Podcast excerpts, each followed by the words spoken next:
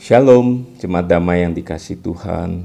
Kita jumpa lagi di dalam Sapaan Damai Sejahtera hari ini Kamis 25 Februari 2021. Masih dalam minggu Prapaskah yang pertama, kita akan bersama-sama merenungkan sebuah firman Tuhan, sebuah renungan yang mengambil sebuah tema total depravity.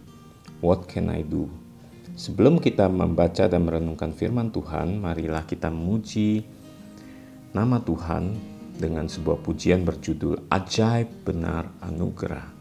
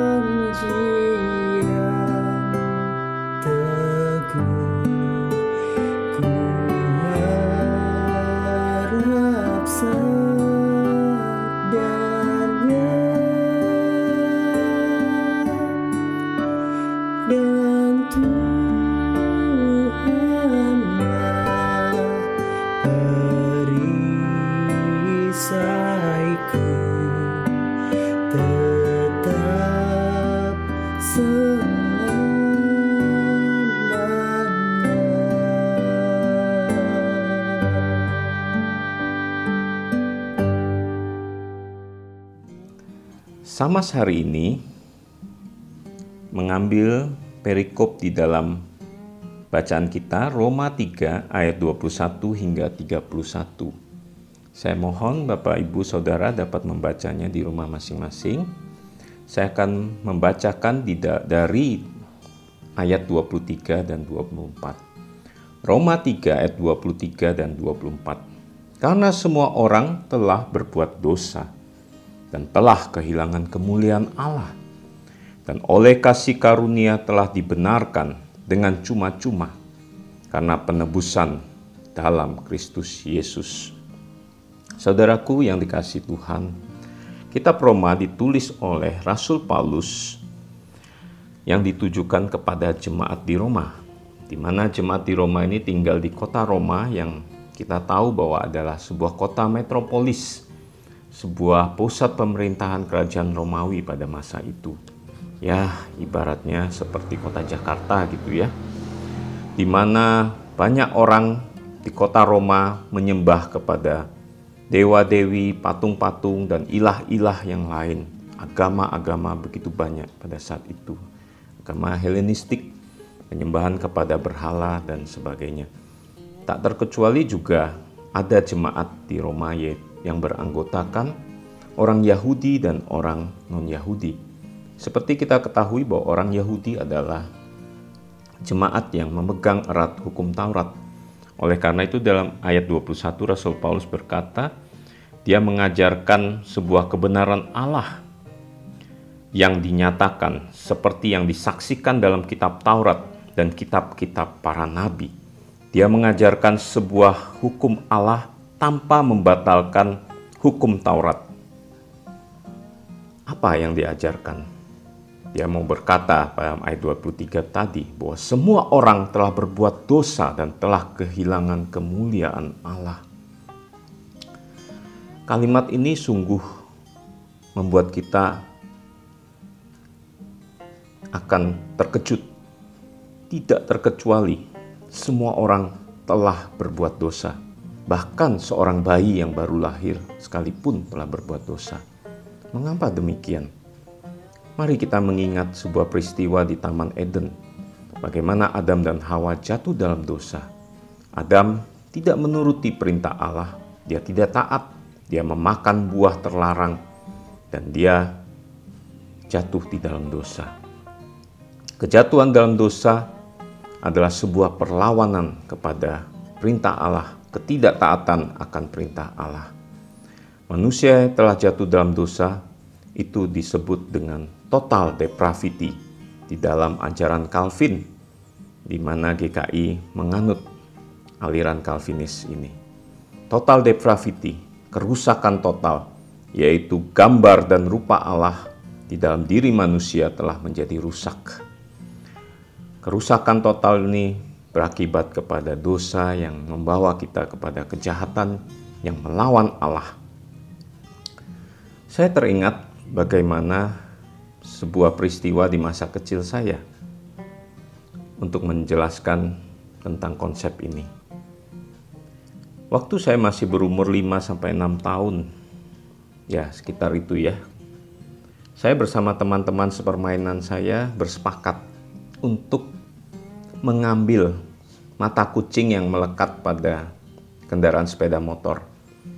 Saudara-saudara yang hidup di era itu pasti mengerti kalau sepeda motor itu ada mata kucing yang bisa dilepas dengan mudah, tinggal diputar dengan tangan ya. Jadi saya dengan teman-teman berlomba untuk mengambil atau tepatnya ya mencuri gitu ya Bapak Ibu. Saya jadi malu nih mengingat peristiwa ini.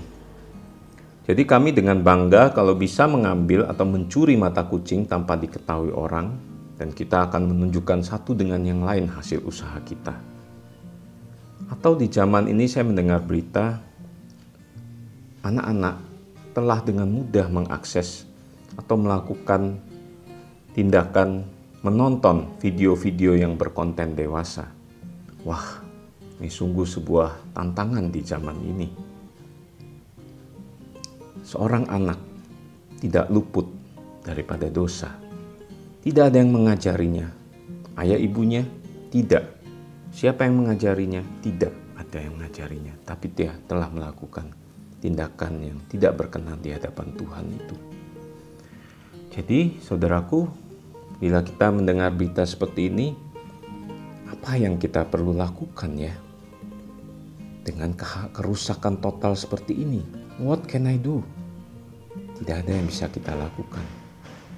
Tetapi ada sebuah kabar baik, saudaraku di dalam ayat 24 Rasul Paulus berkata, oleh kasih karunia kita telah dibenarkan dengan cuma-cuma karena penebusan dalam Kristus Yesus. Ada pengorbanan, ada darah Yesus yang telah tercurah untuk memulihkan kerusakan total tersebut, untuk memulihkan gambar dan rupa Allah di dalam diri kita. Ya, saudaraku, bagaimana kita mendengar firman Tuhan ini di tengah-tengah saat ini kita hidup di tengah-tengah dunia yang menawarkan begitu banyak agama, begitu banyak isme-isme, begitu banyak kebenaran di dalam tanda kutip yang ditawarkan oleh dunia. Saya teringat Pak Catur mengutip di dalam kebaktian Rabu Abu yang lalu pendapat seorang teolog di abad ke-19 yaitu Abraham Kuyper yang berkata demikian. Agama membawa manusia kepada Tuhan dengan sejumlah aturan-aturan keagamaan.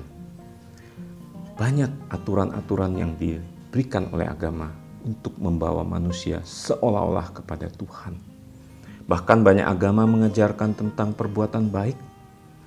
Seperti seseorang yang pernah saya jumpai, dia berkata, "Untuk apa saya menjadi orang Kristen? Saya bisa lebih baik daripada orang Kristen." Coba kamu lihat, ada pendeta yang melecehkan jemaatnya, ada orang yang mengambil uang, padahal dia orang Kristen, menipu orang, dia adalah orang Kristen. Oh, saya tidak lakukan itu semua. Saya lebih baik dari mereka.